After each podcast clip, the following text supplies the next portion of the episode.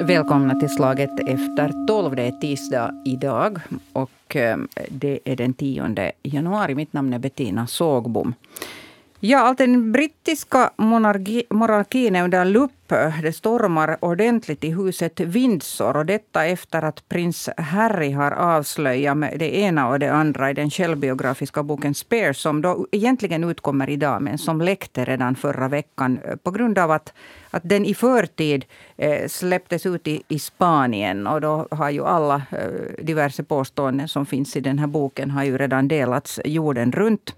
Eh, dessutom har prins Harry själv ställt upp på ett par stycken såna här långa intervjuer. En för CBS och en för ITV. Där han har berättat om, om mycket av det här som, som då också kommer fram i den här boken. Eh, vad har det här för konsekvenser för monarkin? Särskilt då i Storbritannien. Det ska vi diskutera här i Slaget efter tolv idag. Och med mig har jag Hufvudstadsbladets hovreporter Annika Hellsten. Välkommen. Tackar. Och så har jag också ordenskanslern Jussi Nuorteva med mig här. Välkommen också du. Tack så mycket. Jag, jag tänkte att vi måste först förklara lite vad det är en ordenskansler gör. Du är alltså ordenskansler Finlands Vita Ros och Finlands Lejonsordnar. Eh, ordenskansler där. Vad, vad, vad gör du? Det är så att vi gör de här förberedelserna så att jag presenterar alla ordnarna och medaljerna till republikens president som är stormästare för de här ordnarna. Mm -hmm. Och det här ordenskapitlet eller styrelsen är den som gör det här praktiska arbetet. Och det är alltid självständighetsdagen förstås som är en av de här viktiga. I år var det 3600 eh, ordnar och medaljer som belönades. Så att det är den delen och sen förstås också Försvarsmaktens flaggdag. Mm. Men det är också så att det är de här statsbesöken som vi är med så att då vi har byter ordnarna så att det är en gammal praxis som kommer just de här monarkiska praxis. Och det är också så att stormästaren är oberoende så att han kan suveränt fatta beslut till vem han ger eh, ordnar eller medaljer. Så att det är en del av det här som togs också i bruk i Finland mm. av Mannerheim som mycket väl kände det här systemet både i Ryssland och också i Sverige. Mm -hmm. Okej. Okay. Men, men alltså du sa att då känner man till också system kring monarkier och, och, och alla de här sakerna. Nu först måste vi börja med det här att alltså den ges ut idag. Eh, och jag vet att det har en förhandsbeställts massvis med, med, med nummer av den här boken. Hur är det med dig Annika Hellsten, du och, och boken Spare som den heter? Har du fått fingrarna på den? Nej, men jag kommer ju att läsa den. Jag mm. hade faktiskt tänkt att jag skulle beställa den eh, idag. Men, eh, men sen blev det bråttom att hinna hit så mm -hmm. det är mhm. nu ogjort. Men jag kommer att beställa den idag och jag kommer att läsa den, ja. Mm. Med intresse. Jussi Nuorteva? No, jag ska nog på lördag till England så att jag ska köpa den därifrån. Hoppas att det finns fortfarande i bokhandeln. Så att det är väldigt många som har köpt den och det måste vara kö där också. Mm. Men det är mycket intressant att läsa just att jag har haft samarbete med College of Arms som är den som är ansvarig motsvarande också till det här ordenskapitlet. Och där Gator Principal King of Arms är den som är chefen för det här College of Arms som är också heraldisk myndighet och mycket nära hovstaterna. Mm. No, varför vill du, Annika Hellsten, läsa den här boken? Uh, jag vill nu med egna ord läsa vad prins Harry tycker även om man, uh, och vad han då avslöjar även om vi då vet ju största delen mm. redan nu eftersom den här mediebevakningen har varit ganska omfattande och när man lyssnar på, på BBC i morse så var det ju alldeles uppenbart att vissa journalister, där, eller det var, det var ju vissa hade ju åtminstone hunnit ögna igenom den. Mm. Uh, men, men Ja, jag har en fin samling kunglig litteratur och den fyller nog sin plats där. Så att jo, jag läser den nog. Men, eh, men om, vi, eh, om vi tar tag i den här din huvudfråga, mm. vad du tror att den här boken har för, konsekvenser. för konsekvenser för den brittiska monarkin, så tror jag inte att den har några konsekvenser överhuvudtaget. Därför att den brittiska monarkin har varit med om värre saker och de har nu överlevt. Att, eh, förstås kommer det här nu att det kommer att vara en stor hype kring prins Harry och det, han kommer att sälja bra och han kommer att få mycket pengar. Eller han har ju fått 40 miljoner dollar för den här boken. Så att mm. han har ju fått mer än någon av oss någonsin kan drömma om att få. Men det där, men, men jag, tror inte att, jag tror inte att brittiska kungahuset kommer att kommentera det här. Och absolut, alldeles säkert så kommer prinsen av Wales, alltså prins William, kommer garanterat inte att kommentera den här incidenten i prins Harrys kök när han då enligt Harry slog ner Harry. Så att mm. Harry fick skråma på ryggen för att han landade i hundens matskål. Men, äh, men det som är intressant är att vi vet inte riktigt vad som föregick det här slagsmålet. Det har ju inte kommit fram. Det kan ju hända att prins Harry har varit väldigt provocerande. Jag säger inte att det är rätt av prins William att ha slagit sin lillebror men, men fortfarande så vet vi inte. Jag menar, han kan ju knappast ha kommit in och börjat slå till höger och vänster. Harrys version ja. lär ska vara att han, han förolämpade hans uh, hustru, hustru. Meghan Markle och, och det där, så att hon var både besvärlig och, och, och det där envis och vad det nu var. Och ja, han no, försvarar var... hennes heder, det är hans version. Ja. Mm. Men, men eh, på vilken eh, liksom, petitessnivå... Ehm, jag menar, kungahuset, huset Windsor har alltid varit, det har varit hemlighetsfullt, det har varit lite mystik. Det är det som liksom upprätthåller det här eh, kungliga, det att det är någonting, hur ska man säga, det är någonting utom allmänhetens liksom, insyn på det sättet. Att, att, det ska vara lite magiskt. Hur mycket trasar det här sönder magin? Vad säger Jussi Nuorta? Jag skulle vara ense om att inte så väldigt mycket om man tänker på publiken. Mm. Men inom kungafamiljen. Så att jag tror att det är någonting som kommer att vara mycket svårt att, att handla de här frågorna inom familjen. Så att jag tänker också så att det är ganska illa som Harry skriver om Camilla. Mm. Och det är också så att det är någonting som Charles nog kommer att notera. Så att det är inte så lätt att komma tillbaka. Så att Harry har ju också sagt att han skulle för, gärna försonas med familjen. Men efter den här boken jag tror att det är inte så lätt att försonas inom familjen. Så att det är en förstås annan sak hur allmänt man eh, reagerar på Harrys bok och vad det betyder för monarkin. Så att det som, som sades, så att det är en annan fråga. Mm. Mm. Jag tror alltså, eh, när det gäller magin så tror jag att den här boken nu definitivt har visat det som vi nu eh, visste den från tidigare, nämligen att huset Windsor är en dysfunktionell familj. Och, och, det är den ju verkligen inte ensam om att vara och, och, absolut säkert inte i Storbritannien där man ofta stiger om svåra saker. Att en sån här känsla man får när man, man ser prins Harry i de här intervjuerna som, som har visats nu på tv, alltså snuttar ur intervjuerna och som finns på diverse sociala medier är att han har ju nog varit väldigt ensam. Och det, det på något sätt, alltså ensam med sin saknad efter sin mamma och med det trauma som det innebar. Och det, det är liksom väldigt förvånande att om nu hans släktingar inte har varit förmögna nog att kunna eller alltså haft förutsättningar att kunna hjälpa honom med att sitta och prata med honom om saknaden efter Diana. Varför i fridens namn hade inte skickat honom till en terapeut redan då, i slutet av 90-talet? Det var inte, eh, terapi var, inte, var liksom inte eh, det, var på, det fanns redan då. Det var inte som på 60-talet när man inte fick terapi. Utan I slutet på 90-talet så fick man ju verkligen och det var inte stigmatiserande då. Eh, alltså den, den tiden var förbi. Så att jag tycker det, det är liksom verkligt konstigt. Och, och, det är konstigt också med tanke på att äh, drottning Elisabeth ju ändå måste ha, hon måste också i egenskap ha farmor, av farmor ha fattat lite vad han gick igenom. Och hon, hon det där var ju ändå hon, hon var ju alltid, hon, hon, det hette ju länge, att, eller alltid, att hon var väldigt svag för prins Harry. Mm. Så att hon borde också ha sett den här smärtan. Jag, jag, tycker det är väldigt, väldigt, väldigt förvånande. Men hon stötte ju själv på mycket kritik, eh, just särskilt också i andra händelser, men, men särskilt då efter eh, Dianas död, över att, att hon inte eh, visar tillräckligt mycket någon sorts emotion. Hon svarar alltså inte på folkets den här stora sorg och upprördhet. Mm. Nej, nej, nej, hon, var, hon var mm. tydligen mm. liksom impregnerad med, mm. med det här plikten framförallt. Man ska inte visa några känslor. Men man tycker att prins Harry var 12 år när hans mm. mamma dog. Det är en ganska känslig ålder, på väg in i puberteten. Att mm. någon, någon borde ha fattat det. Och till exempel, vi vet ju inte om... Uh, jag tyckte nog inte heller om det vad jag har läst att Harry skrev om Camilla Parker Bowles. Och att han försökte för, uh, övertala sin pappa att inte gifta sig med henne. Han, men, han påstår att både han och William gjorde ja, det. Ja. ja. Men, det där, men, uh, men hon verkar ju uh, vara en sensibel person på många sätt. Så att Men kanske, kanske det liksom helt enkelt inte ingick i kungahusets äh, idéer om hur man skulle uppfostra söner.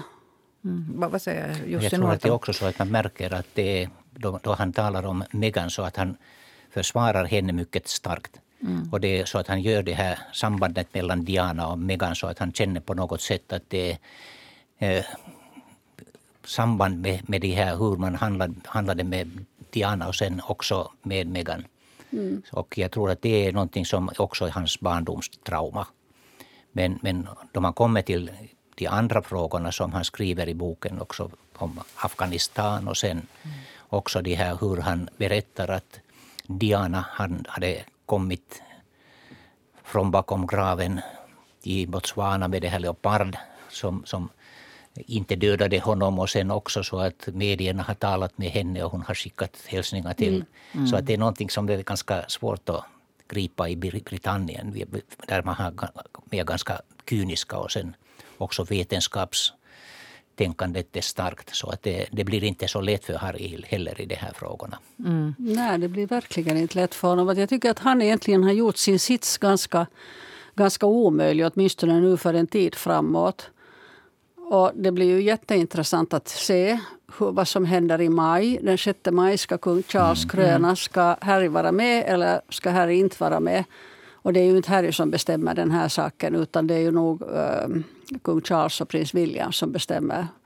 Men det, det blir äh, det blir liksom idiotiskt om Harry inte är inbjuden mm. åtminstone. Han är nu ändå son, kungason. Och, och, det där, och, och det känns... Nåja, vi ser hur det går. Och sen om han är inbjuden så, så, och kommer så finns det ju en risk att det så att säga stjäl showen. Från Charles? Ja. ja. Mm. Men uh, han stal ju inte showen på drottning Elisabeths begravning på något sätt. Nej. Han var där och Meghan var där. och de, de hade, Antingen hade de strikta förhållningsregler eller så förstod de ju själv. Det var ju knappt som man såg dem. Och det kavlades inte ut många foton där de var med heller. Så att uh, de satt ju långt bak. Han kan ju sättas långt bak. Han behöver ju mm. inte sitta bredvid prins William i kyrkan. Nu, nu, vet jag att det finns många som, som lyssnar på det här och de lyssnar motvilligt. Det jag, att de, att, vad ska man bry sig om såna privilegierade människor? Vad ska man med sådant skit till? Jag, jag har hört det här många gånger. Mm. Och tillika så kan man inte låta bli att lyssna och läsa de här grejerna. Vad är det? Hur skulle ni förklara den här? No, jag brukar säga så här när folk, eh, folk frågar mig om jag är royalist så, så säger jag nej. Jag är verkligen inte royalist. Jag är för att kungahusen avskaffas. Mm. Men jag tycker ju att uh, kungahusen är så otroligt underhållande. De är som en tv-såpa. Och de, är ju, alltså de har ju makt i kraft av sin position. Så det är ju, det är ju uh, också om de inte har politisk makt, i synnerhet inte i Sverige, så har de ändå makt för att de, de har makt att påverka sitt lands rykte och, och delvis också vissa affärer. Mm. Och, det där, och sen är de, ja, det är som att det är som att följa en tv-serie med den skillnaden att det här är riktiga människor. Mm. Ja, hur förklarar du Jussi Muotti vad den fascinationen? Lite, lite på annat sätt. Så att det är också, om man nu tänker på de nordiska länderna och sen också Britannien. Så att det är ju också en viss fördel att kungahuset är utanför politiken. Mm. Så att de är statsöverhuvud men de är inte i politiken. Så att det är en viss buffer. Så att, att de har skrivit ganska mycket om monarkismen och absolutismen. Den här absoluta monarkin. Mm. Och teokratiskt motiverade där man ansåg att makten kommer direkt från Gud mm. till monarken. Och eh, det är intressant också att monarkismen det har varit mycket starkt också ett prägel mot totalitarismen. Inte emot, utan också i eh, positivt. Om man tänker också i Britannien. Så att eh, på 1930-talet det var många av de här kungliga huset som var anhängare till Hitler och Mussolini. Mm. Och det är intressant att också, det, det var inte the House of Windsor at that time, i den tiden, utan det var så att i början det var huset Sachsen Coburg Gotha. Ja. Och sen för, ändrade man det här namnet så att det passade ju inte att man hade varit från Tyskland under andra världskriget. Då monarkierna hade rasat, eller imperierna hade rasat i Ryssland och i Tyskland och i Österrike, Ungern. Så att det, det här balansen mellan totalitarism, monarki och behov så att det är någonting som har ganska långa rötter också. Mm. Det, det, det, där, det här med nazismen är ju jätteintressant för att det finns ju, har ju funnits sympatisörer i nästan alla kungahus. Mm. Och idag vill man inte alls tala om det. Mm. Men, det där, men det finns, vi vet att det finns i Sverige och det har ju, eh, ja, huset Windsor har nog många, mm. många kopplingar. Uh, och, ja, nåja. Mm.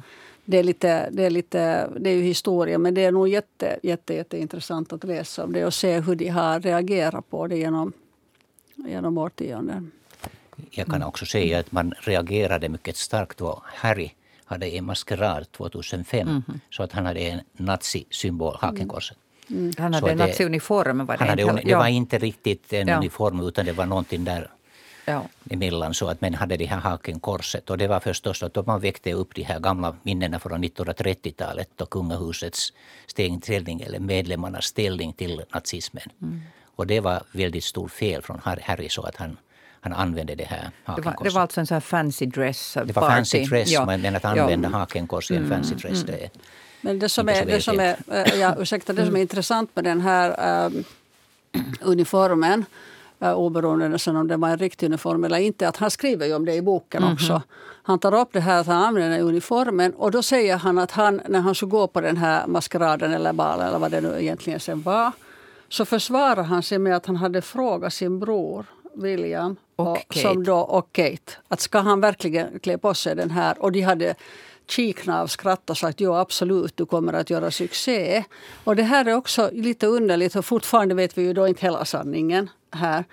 Men, men, men han, just att han skriver så han har sagt, och den här uniformen eh, var ju verkligen, den skadade ju verkligen honom och det blev ju uppläxning eh, från, från pappa Charles då och förmodligen också från, från uh, farmodern att vissa av hans, eh, liksom vissa av hans avslöjanden i den här boken verkar vara väldigt obetänksamma. Mm. Och det här, det här är ju på något sätt att, att skjuta över skulden på prins William är nog inte helt bra heller.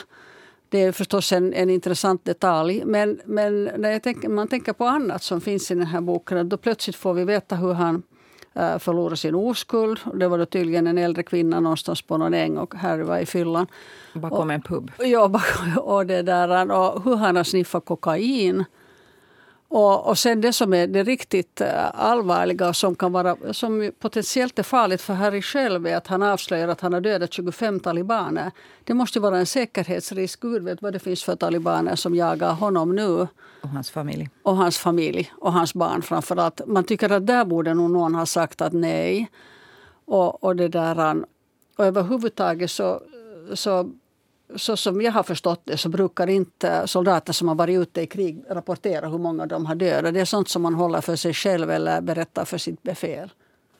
Så mm. det känns väldigt Just den detaljen känns jättekonstig. Det är exakt så, så att man har också ja. inom armén reagerat ganska starkt i det här. Ja. Så att de har sagt att det är inte någon del av den kulturen som han borde känna till som Nej. officerare. Nej. Så att det var någonting som man inte, har, inte borde ha skildrat i boken. Och sen jag, jag tänker också på det här att skylla på William så att han eh, sa det att du kan hålla den här naziuniformen. Ja. Så att kan han inte fatta beslut själv. Ja. Så att det är den här frågan som kommer att lyftas också. Ja, den kommer att lyftas och det kommer att göras kopplingar till tidigare nazistsympatisörer inom kungahuset. Den liksom kommer aldrig att lämna honom, den här, eh, den, den, här, eller inga av de här sakerna som han nu lyfter fram kommer att få vila i fred utan de kommer att, han kommer att bli påmind om det. Och då försvarar han ju sig själv med att nu ska allt fram. Mm. Ja, det, men, det, säger han. Ja, ja men, men sanningen är ju den att vi behöver ju inte veta allt det här. Vi behöver, vi behöver liksom inte veta hur många han har dödat i, i Afghanistan. Man, om han har varit i Afghanistan så har han ju förmodligen dödat någon. Men, men Nåja. Äh, han, körde, alltså, han flög alltså sån stridshelikopter ja. och, och, och, han kallar också de här talibanerna för schackpjäser på en ja. bräde. Ja. Jussi Nuorteva skakar våldsamt på huvudet här av, av uppbragdhet. No, det är så att någonting som ja. man inte skulle ha skrivit. Jag tänkte just mm. att fråga Annika, att, att vet du, var det någon redaktör som skulle ha varit rådgivande till honom så att de, som han skulle kanske ha tänkt att, Ja. att ta de här råden. Så att det är ju vanligt att det är någon redaktör som också läser inom boken och sen säger att skulle du tänka att lämna bort de Alltså, här det finns ju en ghostwriter. Det är Ja. den här. Och nu har jag, jag skulle skriva Okej. upp namnet på honom, men nu har jag tapp, inte här just nu, men, ja, så jag kommer inte ihåg namnet. Men, men det är dessutom, om jag förstod saken rätt, en, en väldigt belönt, alltså eh, prisbelönt journalist. Okej. ja. Ja. Men det är fortfarande så att för det förlag eh, som ger ut den här boken måste ju vara medvetet om att det finns risk för eh, rättsliga påföljder. eh, eh, Och, då, jag menar, och, och, eftersom, och hypen är så pass stor så det måste ju ha funnits någon på förlaget som har läst det. Jag tror inte en sekund på att de inte har gjort det. Och de borde ha förstått att den här eh, antalet soldater som här är dödar i, i Afghanistan så borde inte ha varit med. Och sen att han kallar dem för schackpjäser, det är väl det, är det som eh, skolningen till soldater i krig går ut på, att man ska, man ska avpersonifiera fienden. Han kallar dem också för att man helt enkelt som schackpjäser på ett bräde sveper bort the bad, Ja. bad guys. Ja, bad Ja, guy, ja, ja. ja. No, det är ju som om Donald Trump hade varit där och informerat honom om No, nu har ju, nu har ju faktiskt eh, talibanerna reagerat på det här. Ja. Alltså det var en, en, en av de här talespersonerna för talibanerna som, som uttalade sig och, och, och det där var väldigt upprörd. Så att, att få se vilka konsekvenser det här då eventuellt får. Men, men det som, som jag ännu... Alltså, hurdan bild ger det här av de här, som jag nog skulle säga ändå privilegierade människorna? Eh, jag menar, det är, okay, det, det är ett gäng som går på, de går på maskeradbal och ha, ha, ha, att oj så roligt att jag har en naziuniform. Och, och, och det där... Eh, vet ni, all- det här livet, bilden av deras liv blir sån här åtminstone för mig vid första anblick. Trots att jag förstår att det är betungande också. Men ja, Jussi Jag, jag tror att det här namnet av boken Spare Mm. är någonting som berättar ganska mycket om vad det, vad det gäller. Så att, Mm. det, så att det, det här frasen air and fre- spare. Ja. Så att han hade en arvinge och sen också den som Reserv. var också reserv. Och det är så att man i Britannien, jag tror att det är många som inte tänker att, att det bara är en Eh, nästa till tronföljare är någonting som är spare. Så att det är en hög position också i samhället. Så att det är lite att undervärdera den här positionen som han hade. Så att det är någonting som många kommer inte att godkänna att han skulle kallas så. Men det är också, jag tror att det är också en del av hans trauma som har haft så att han på något sätt sen känner sig underlägsen till William. Så det är alla de här som han redan varit i tidningarna och medierna om relationen mellan bröderna som man tidigare tänkte att de var mycket nära. Men nu ser det ut att det, det var inte så. Utan William har varit den här härskande delen också formellt och sen Harry känner att han har varit i underläge till William.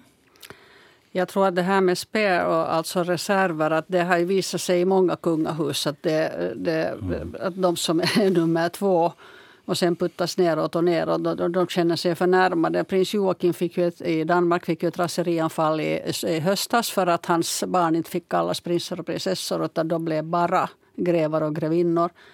Vilket ju var en äh, gest av drottningen för att låta dem äh, ha sina lite mer fria liv. I Sverige så är nu kungen upprörd å sin eh, sons vägnar. Och, och det var ju också nu helt löjligt av honom eftersom han sa i den här tv-intervjun, den här tv-programsintervjun att helt plötsligt blev Carl Philip av med det hela. Och det var ju inte alls helt plötsligt utan det hade redan en gång godkänts i den svenska riksdagen. Och alla visste att det skulle godkännas på nytt hösten 1979. Det var ingen överraskning för någon. Alltså vad skulle godkännas? Vi Att måste den här tronföljd, kanske- successionsordningen, den måste, den, eftersom det var en grundlagsändring så måste den gå igenom två riksdagar. Och den hade alltså godkänts eh, första gången eh, 1976, före, eh, sa- strax före, eller var det 77? I alla fall under, ja, efter att kronprinsessan var född. Eller nej, det var just före hon Före. skulle födas. Ja.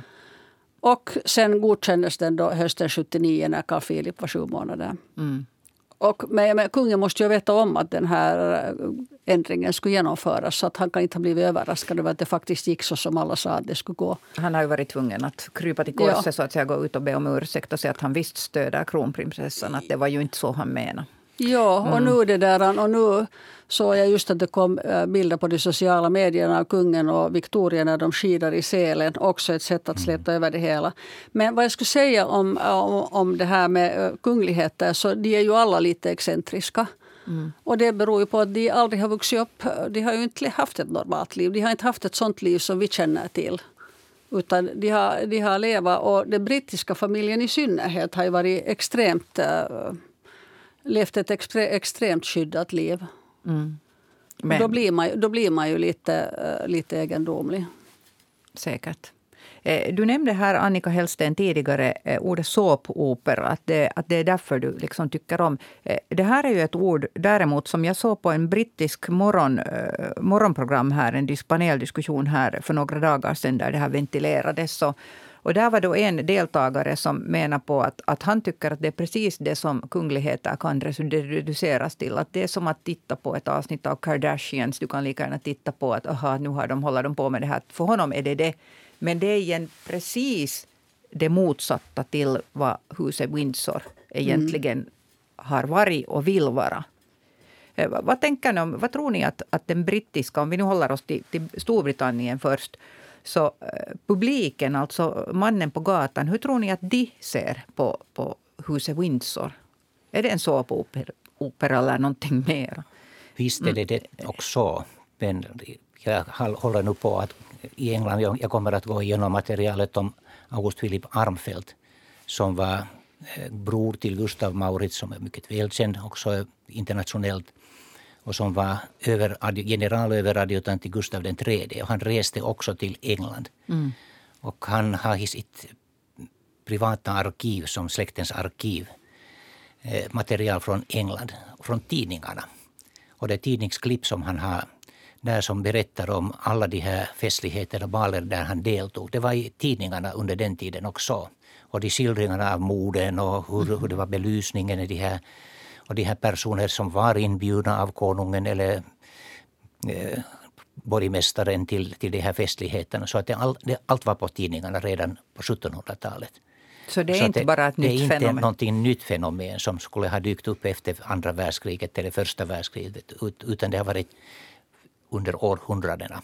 Och det var också så att det var inte bara brittiska, det var också i tyska tidningar, det var i franska tidningar. Så han har här klipp också från de här tidningarna som berättar om vad det hände i eh, brittiska hovet. Men, men paparazzin är ju inte ett så gammalt fenomen till exempel, alltså tabloidpress. No, no, egentligen det är inte en stor skillnad. Så att det, mm. paparazzi, hur man skildrar så att det, mm. fotografin fanns ju inte. Men man gjorde kopparstick. Mm. Så att det, och eh, karikatyrer också. Så att det, han deltog också i en rättegång eh, emot eh, guvernören i Indien, Hastings.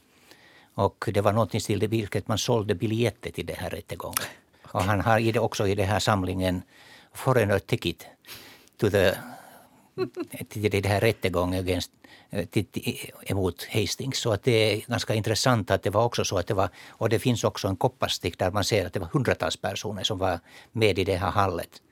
Så att det var stort intresse att, att man skrev och man gjorde de här kopparstick och karikatyrerna också om det här Så det har alltid, alltid varit någon sorts underhållning i alla fall? Mm. Det ser ut att ha varit ja. så.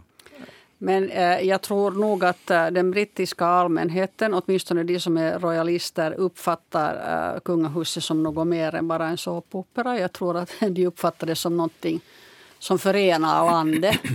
Och, och, det där, och då kommer vi tillbaka till det här med, med, med vad som blir konsekvensen av den här boken. Och, och en anledning till att jag inte tror att det blir så mycket konsekvenser är att stödet för monarkin är stort, i, högt i Storbritannien.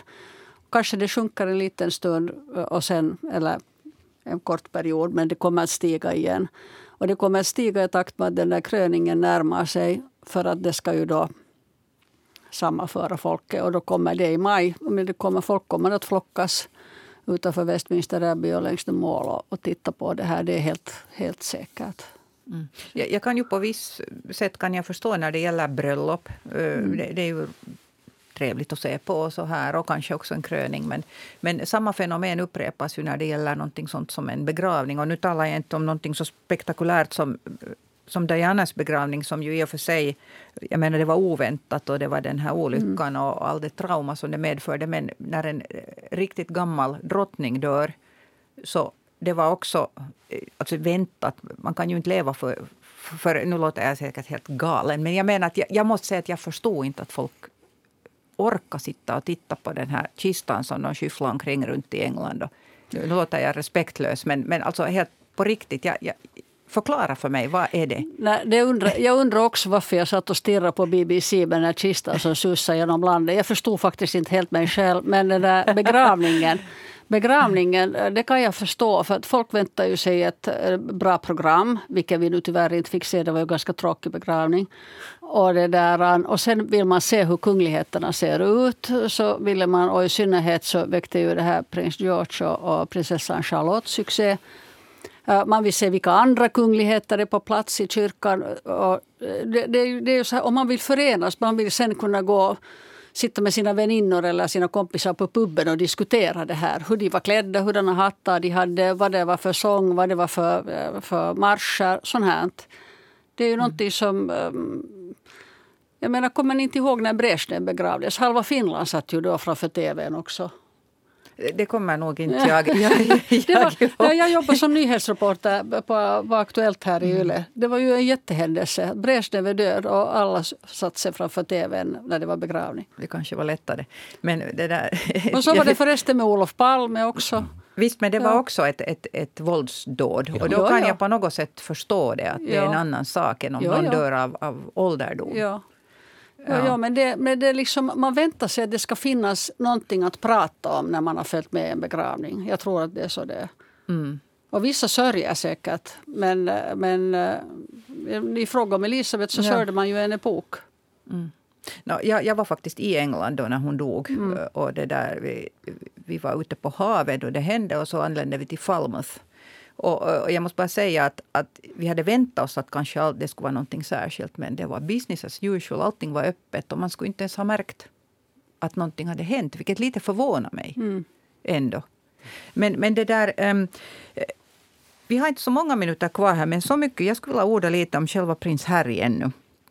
För att, att det där, eh, nu har jag också suttit och tittat på bitar av de här intervjuerna som han har gett kring det här. Och, och, jag kan inte låta bli att samtidigt få en sån här sympati för honom som människa.